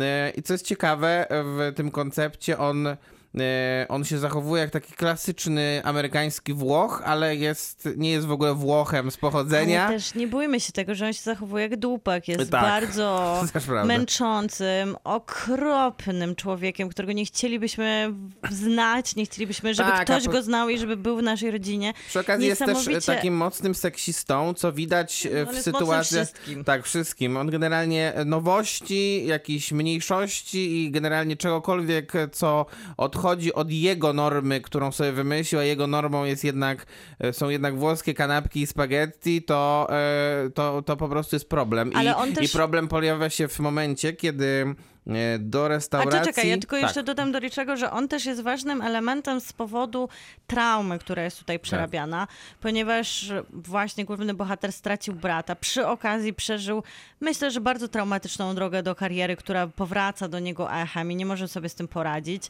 Jest, e, jest w bardzo trudnym momencie i może by i zapomniał o Michaelu, gdyby nie Richie, który jest takim constant reminder, takim ciągłym przypominaniem o tym, że Michael był, że popełnił samobójstwo, że on sobie nie radzi. Jest takim brutalnym ciągle rozdrapywaniem tej Ale to rany, dlatego ale też- też z drugiej strony jest emocjonalnym nośnikiem tych wszystkich sytuacji, których Carmen nie jest w stanie wyrazić. Ale on jest y, tym przypominaczem też dlatego, że on myślał, że to jemu ta restauracja zostanie przekazana pewnie.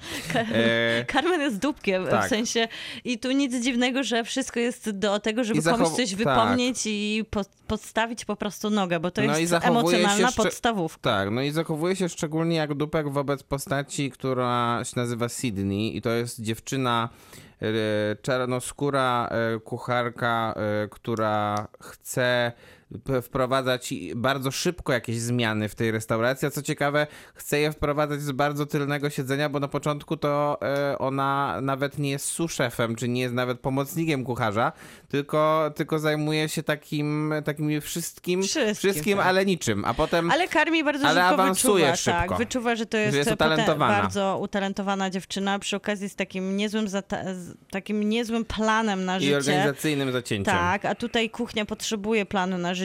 On jako kucharz po najlepszych restauracjach ma.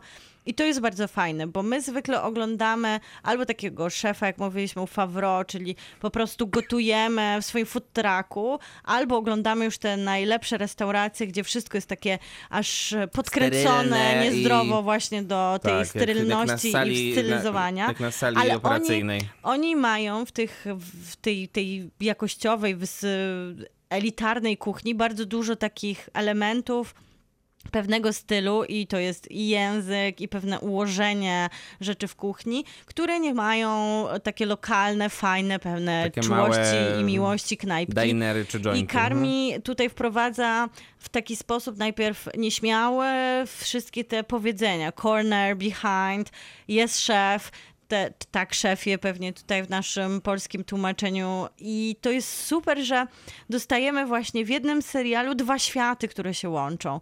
I ta... I ta też nasza bohaterka, która tutaj jest wprowadzana, ona też ma bardzo taki charakterystyczny rys osobowościowy. Tu wszyscy są bardzo charakterystyczni osobowościowo, tylko to nie jest nic takiego na przegince poza Na Richie. szczęście nie są to Ona jest, taka ona jest taka znerwicowana, w taki fajny sposób zafiksowana, a później jeszcze mamy tych pracowników tego diner, którzy tam są od zawsze, którzy działają na takich e, swoich konserwatywnych zasadach bycia w kuchni, które są już od lat e, ustalone i ciężko się przegryźć temu nowemu chłopakowi z jakąś fanaberią, jak oni w tej kuchni, to od zawsze w taki sposób e, pracują. Za wyjątkiem jednej postaci, która też jest istotna dla fabuły, to jest człowiek, który robi desery i ona, on, on między, Tak, on jest między światami. Między nim a tą Sydney nagle pojawia się taka więź polegająca na tym, że ona swoim takim podejściem, taką młodocianą, mło- młodo, wynikającą z młodości bezczelnością jeszcze, e, inspiruje go do, do robienia nowych rzeczy. On nie zajmuje się już teraz tylko, nie wiem, pieczeniem chleba i bułek do tych kanapek, tylko jednak tu, tu, robi tar, tu robi torty czekoladowe, tutaj chce udoskonalić niemalże pączka, który, który też jest Właśnie, kością to jest- niezgody w niektórych sytuacjach. To, to jest e, to, co wydaje mi się też takie kluczowe dla tego serialu, taka czułość do tego, żeby wyrywać swoich bohaterów i nas z takiego możliwego emocjonalnego dna, które często się pojawia w takich serialach, które traktują o traumie, odchodzeniu, samobójstwie, stresie w warunkach takich zawodowych. Wszyscy bohaterowie mają jakiś potencjał do tego, żeby zaprosić nas jakąś głęboką depresję i mrok emocjonalnego ro- rozkraczenia się w życiu, ale ten serial potrafi zawsze jakoś tak Jest tu bardzo troskliwie i czule wyrwać nas stamtąd Tak, i tak, swoich tak. bohaterów. Też pamiętajmy, to jest Chicago, dostajemy trochę muzyki z Chicago, dostajemy często jakąś ulicę z z Chicago, ale jednak jesteśmy w klaustrofobiczne, klaustrofobicznej kuchni. kuchni, w której dzieje się dużo, jest za dużo charakterów, które się zdarzają, za dużo oczekiwań, które się zdarzają, więc ten serial jest gęsty, jest napięty, momentami ledwo łapiemy oddech, żeby tak naprawdę gdzieś w międzyczasie nas ma zdążyć świetne takie- utulić i... Tak, ale ma też świetne takie momenty odpoczynku, Tak. które są bardzo istotne. To jest taki lekki humor, to są te sytuacje w różnego rodzaju e, Wyjściu z knajpy. wyjściu z knajpy, gdzie nie wiem, jak pada e, prąd, to, to robią, to robią Grilla. e, barbecue na podorędziu w- zebran, na podorędziu zebranych tych cegieł, ten- albo jak wychodzą na tą, mm, na tą imprezę. Jest- e, kocham ten odcinek. To było e, urodziny mm, chyba jednego z, jednego z inwestorów, można Ale to powiedzieć. chyba jego syna albo jego jakiegoś Syna, tak, tak, bratanka. tak, e, którego gra zresztą fantastycznie Oliver Tak, Platt. to prawda. E, Ale wszyscy tu grają fantastycznie. Tak. Wszyscy tu grają fantastycznie, nawet te takie dalekie trzecie plany, bo jest siostra bohatera i ma męża, który jest po prostu jest idealnym takim comic, reli- comic reliefem. Wszystko tutaj gra. Nie są to łatwe role, bo ja po raz pierwszy widziałam tą dziewczynę, która się nazywa, nie będę nawet tego robić. się nazywa Ayo Edebiri. Bardzo dziękuję. Sydney ma trudną rolę do zagrania, bo ona jest taka na granicy. Podobnie jak w sumie Richie, którego już wcześniej oglądałam w Girls i on mógł wpaść w szufladkę bycia dupkiem, ale mimo wszystko wychodzi mu to idealnie, bo on jest tak po prostu irytującym charakterem, że czasami ma się ochotę przestać oglądać ten Tak. serial, ale to o to chodzi koncepcyjnie. No ja Więc- zakochałem się w postaci, którą gra aktorka, która się nazywa Liza Colon Jest to Tina, która, e, która zajmuje się przygotowywaniem warzyw, a potem przez jeden odcinek e, próbuje pire ziemniaczane zrobić i myśli, że ono się nie spodoba.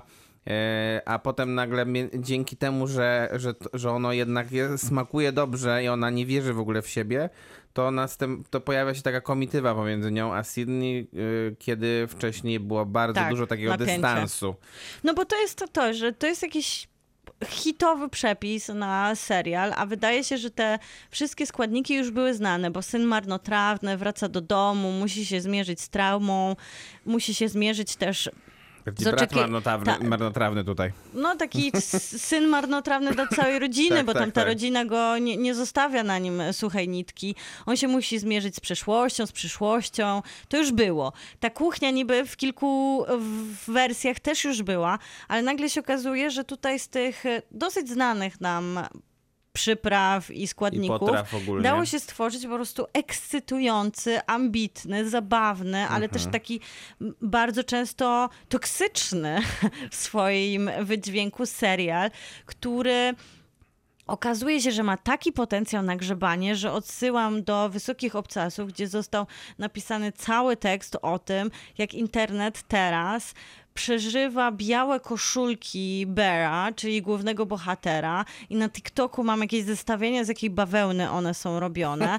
I okazuje się, że bardzo tutaj, i tutaj mam gdzieś nazwisko, e, same kostiumografki, na przykład Christiana Spridekel przygotowywały te stroje, które się odnosiły do faktycznie jakichś smaczków vintage'owych, a scena, w której nasz bohater, to nawet ja wiedziałam, scena, w której nasz bohater wyciąga vintage'owe jeansy dżinsy, żeby je sprzedać, i a tak naprawdę wymienić na kawałek dorodnego mięsa, trzyma je w piekarniku, podobnie jak trzymała bohaterka seksu w Wielkim Mieście swoje ciuchy, proszę. więc jest tam bardzo To dużo takich e, super smaczków. Zapraszam do tego artykułu, tam wszystko jest w ogóle wymienione. No i też mamy tutaj specyficzną muzykę. Fajna rzecz jest taka, że serial został już przedłużony na drugi Tak, sezon, dokładnie. więc, y, więc wiemy, że będziemy jeszcze mogli przynajmniej jeden sezon z tymi bohaterami pożyć. Mam nadzieję, że No nie, nie- nie skuszą się twórcy na ciągnięcie tego serialu w nieskończoność, żeby nie stracił po prostu jakości. Ja trochę żałuję, że będzie ten drugi sezon. W sensie bardzo chciałabym oglądać Ale e, tych finał aktorów. był taki, że aż chciało się, żeby był drugi. E, właśnie taki fajny był ten finał, taki otwierający, Tak. ale zamykający wiele rzeczy, że ja się czułam spełniona. To jest też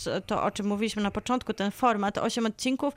Wszystkie do finału 7 ma tak około 30 minut, bardzo takich intensywnych 30 minut pewnych potu, łez i śmiechu, aż przychodzi ten grand finale i on już jest dłuższy formatowo, ma prawie Dłuższy, ja się w ogóle 50 zdziwi- minut. bo Ja nie zauważyłem tego na początku, jak zacząłem oglądać i się zdziwiłem, że tam są tak długie sceny, między innymi e, bardzo taka wstrząsająca, przeszywająca scena monologu głównego bohatera podczas spotkania AA.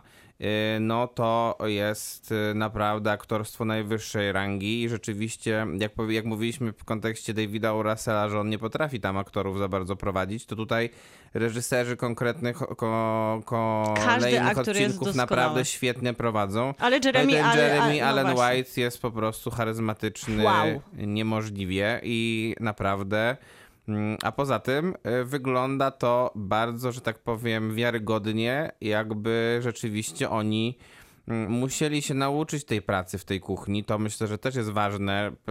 Nie, nie, nie wiem, czy słuchają nas jacyś zawodowi kucharzem. pra- Obstawiam, że w, te, w tym gronie naszych słuchaczy jakiś tam się znajdzie który e, być może teraz napisze zaraz komentarz, że w ogóle to nie jest wiarygodne, ale jak ja bym miał sobie to wyobrażać, to bym sobie to wyobrażał właśnie tak, że oni właśnie w taki sposób stoją na tych liniach e, i, i w taki sposób kroją te rzeczy i potem te rzeczy tak ładnie wyglądają, bo tutaj niektóre Ale- rzeczy też pięknie wyglądają. Nie ma tego fetyszyzowania jedzenia, które jest Nie. tym zwykle w tych filmach o, tych o tych najwyższej rangą kucharzy, właśnie, którzy No bo to jest też comfort food, taki prosty, Tu jest takie szybki. fajne, prawdziwe jedzenie, ale nie ma też tak dużo tego jedzenia, żeby to się stała opowieść tylko o tym jedzeniu. To jedzenie jest, tak samo jak są problemy mhm. i tak samo jak jest... E, Tutaj pewnie to chciał zrobić e, w Amsterdamie e, David O'Reilly. Jest miłość i braterstwo, ale wszystko jest na tyle zbalansowane, na tyle przemyślane i na tyle kompletne, że po prostu daje nam najlepszą... Ale nie ma takiego wątku miłosnego, takiego klasycznego, co jest też plusem na Ekstra pewno, to jest. bo em, nie ma odhaczania konkretnych schematów. Dlatego jest ambitnie i świeżo. Tak, dokładnie, więc ambitnie i tak jak już powiedziałem na początku, ja wystawiam 10 na 10. Ja 15 na 10. Kinotok. Film. Na koniec, tak jak próbowaliśmy na początku ustalić, nie wiadomo do końca jak się zwracać do tego tworu, o którym będziemy rozmawiać. Nazywa się Wilkołak nocą i jest to 50 nawet dwuminutowa em, opowieść ze świata Marvel, Marvela o postaci, która nazywa się Jack Russell. E, I jest to pewnego rodzaju pewnie wprowadzenie jego postaci, chociaż tak naprawdę nie wiemy, Nie bo nic nie mówią o tym. Czy oni trochę mówią, że było tak, że do Disneya się zgłosiło MCU Mhm. z takim enigmatycznie brzmiącym projektem specjalnym. Tak. To okazuje się, że oni po prostu chcieli mieć takie Halloween Chcieli mieć taki special. troszeczkę dłuższy, krótki metraż. Tak, takie coś, co jest w gratisie, w bonusie, wiadomo, wprowadzi nowe postaci, ale też nie musi wcale tych postaci z, z, rozwijać Tak, w tak, tak. uniwersum. To jest podobno jakiś taki trochę małe preludium do tej rozwijania tej fazy o potworach nowej, Mhm. gdzie e, tylko nie wiem, czy MCU może się ciągle waha, bo już ma tyle pootwieranych worków z prezentami, że czy naprawdę potrzebny jest nam kolejny, ale też w ogóle ten proces był ciekawy, bo proces powstawania był taki, a już wcześniej wspominaliśmy, że został zatrudniony kompozytor, który raczej się nie zajmuje takimi rzeczami, chociaż on robił całkiem sporo ciekawych projektów muzycznie i tam pomagał i produ...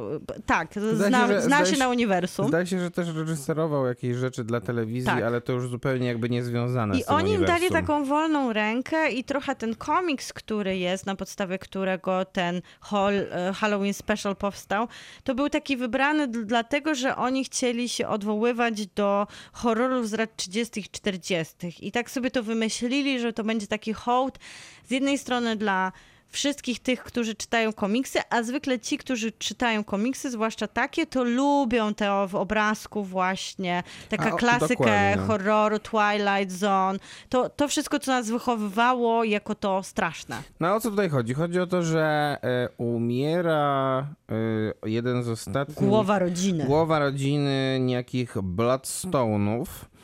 Ale I, to taki trochę... I zostawia po sobie e, klejnot, tak? Czy no. klejnot taki, który jest jakby pewnego rodzaju pewnie symbolem władzy i przechodzenia. Ale też ma magiczne Tak, moce. i ma magiczne moce. Ale to taki, nie myślałem sobie, że to taki, oni się tam Bloodstone nazywają, ale to taki Van Helsing po prostu. Na pewno, na pewno o to chodzi. No i e, na em, tej ceremonii, rytuale pogrzebowo, nie wiem jakim, spotykają się łowcy potworów.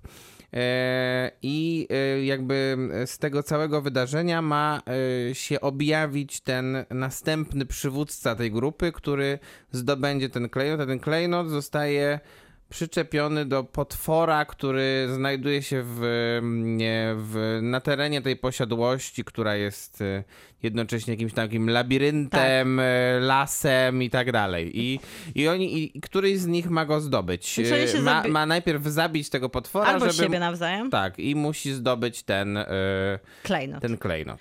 Jest potwór, który jest odniesieniem do potwora z bagien Manfing, ale tutaj słodko jest nazwany Ted. Jak sam twórca mówi, że to był taki sposób na uczłowieczenie tego bohatera i ten element tedostwa naszego demona mnie na przykład wzrusza i rozczula. I jest ten potwór, i są nasi bohaterowie, a głównie jedna bohaterka, czyli powinna być spadkobierczynią Tak, tego tak, klejnotu, bo jest ale jest córką. właśnie, która odwróciła się od Tak, jak swojego mówiliśmy ojca. o synie marnotrawnym Tak, w DBR, tak, córka marnotra- marnotrawna. Odwróciła się od sposobów e, Co, jest, co, co wielokrotnie stara jej się wmówić macocha, która jest jakby przewódczy, prowadzącą ten tak, cały a przy okazji rytuał. taki trochę symbolem złej wiedźmy Tak, i dokładnie. złej macochy z bajek Disneya. No i I obok mamy- Tak. tego jest ten, ten Jack Russell, którego gra e, Gal Garcia Bernal. Zresztą bardzo dobrze to Tak. robi. E, I e, on, jak się okazuje, podczas przedstawienia tych bohaterów mm, jest rekordzistą w tym pojmowaniu i łapaniu potworów i prawdopodobnie też zabijaniu Ponad ich. setka. Więc wszyscy są generalnie nastawieni na to, że pewnie on będzie mocnym rywalem do tego.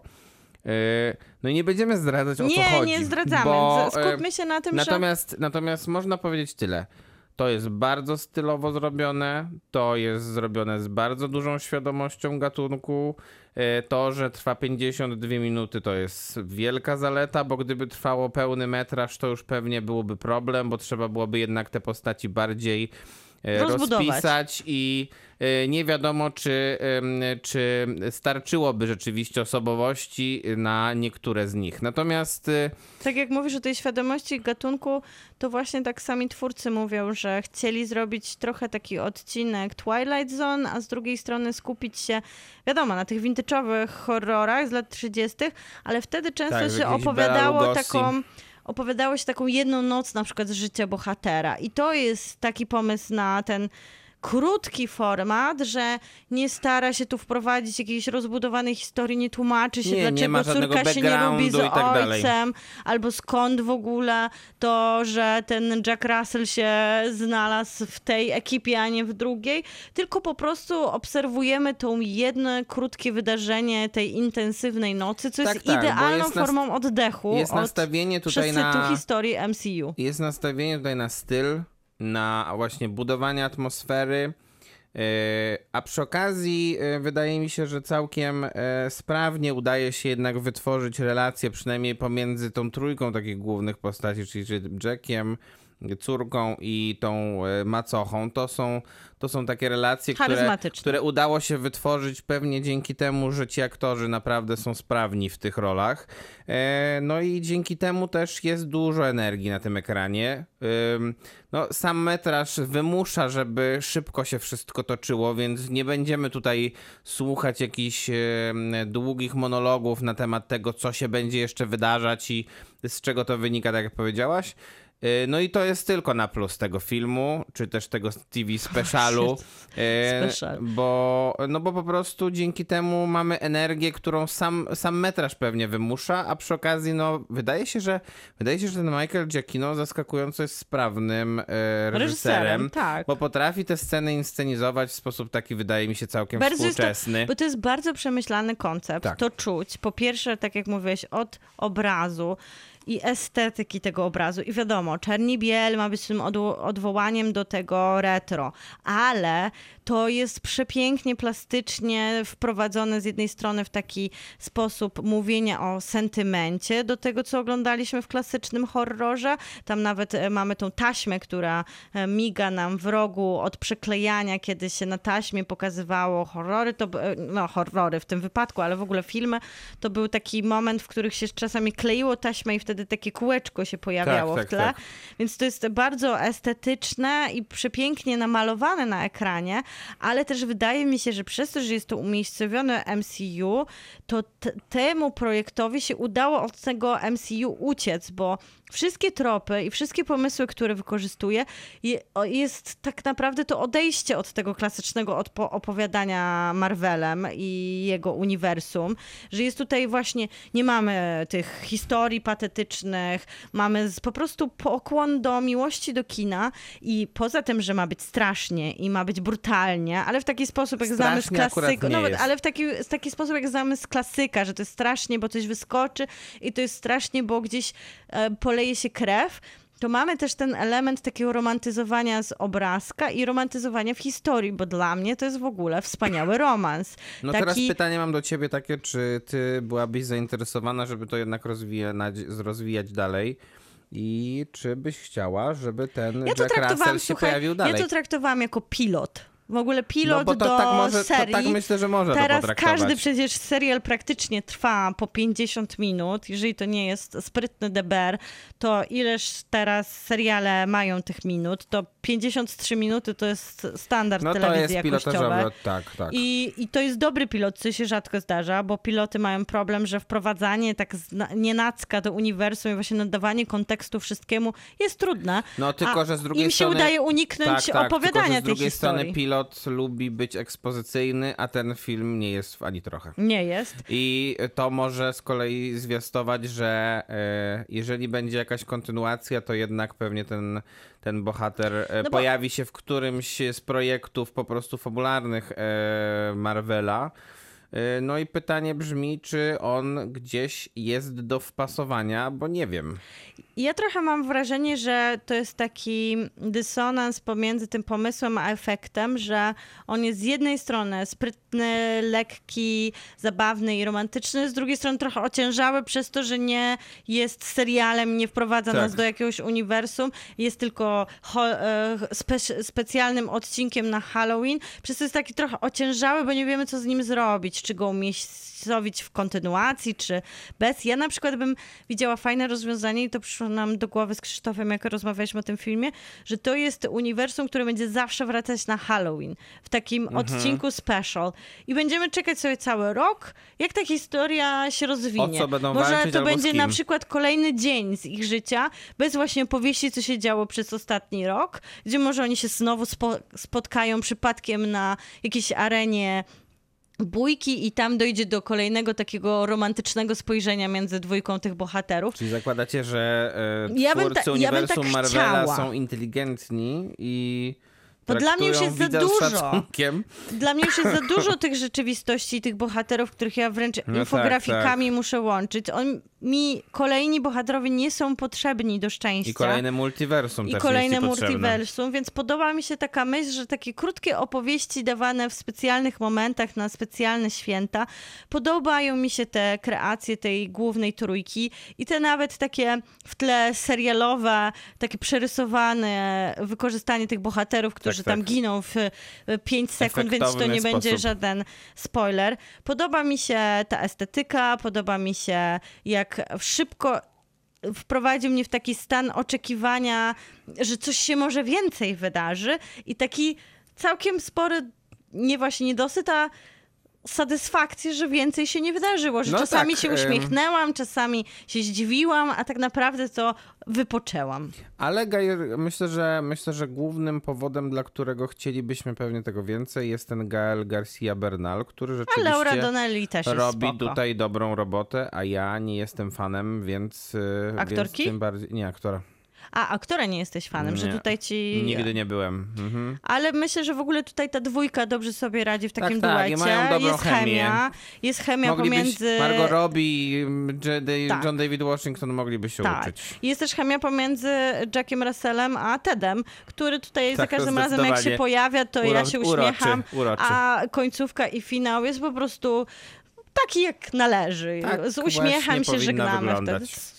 Bardzo fajny special. Fajnie jakby to było mniej niż więcej na przyszłość. I co, wystawiamy jakąś ocenę? Ja A bym- czy się temu wystawia ocena? Ja nie wiem. Ja bym wystawił, bo, bo film web dawał możliwość, No dobra, to dajesz. więc wystawiłem 7 na 10 i myślę, że to Wiesz jest... co Maciek? Zgoda. No i Też brawo. daję 7 na 10. I, I brawo. I brawo. Kinotok. Film. Jutro będziemy podcastem na wszystkich platformach, gdzie no, nas słuchacie albo zaczniecie nas słuchać. Tam jesteśmy dostępni. Na niektórych nawet można nas ocenić na piątkę. Ładne są ceny na razie. Bardzo się cieszę, bo wymagamy od was tylko takich. Jak się Tak, wam nie dokładnie. podoba? O, O, no bo równa godzina, słuchaj. no tak. A y, w przyszłym tygodniu będziemy porównywać dwa uniwersa fantazy, czyli zrecenzujemy już całe sezony Władcy Pierścieni i Rodu Smoka. To będzie ciekawy program. Myślę, że To tak. była ciekawa decyzja samych twórców, żeby wypuścić w jednym momencie Mhm. te dwa seriale, różnica więc, jest tygodnia. więc mają za swoje. Mają za A swoje. może się Będziemy spotkamy porównywać. z wami, bo z tego co wiem, to Ród Smoka będzie miał ostatni odcinek puszczany w kinie. No to tak? zaraz mi wszystko opowiesz, a my teraz Dobrze. mówimy dobranoc. Dobranoc. Kinotok. Tuż przed wyjściem do kina.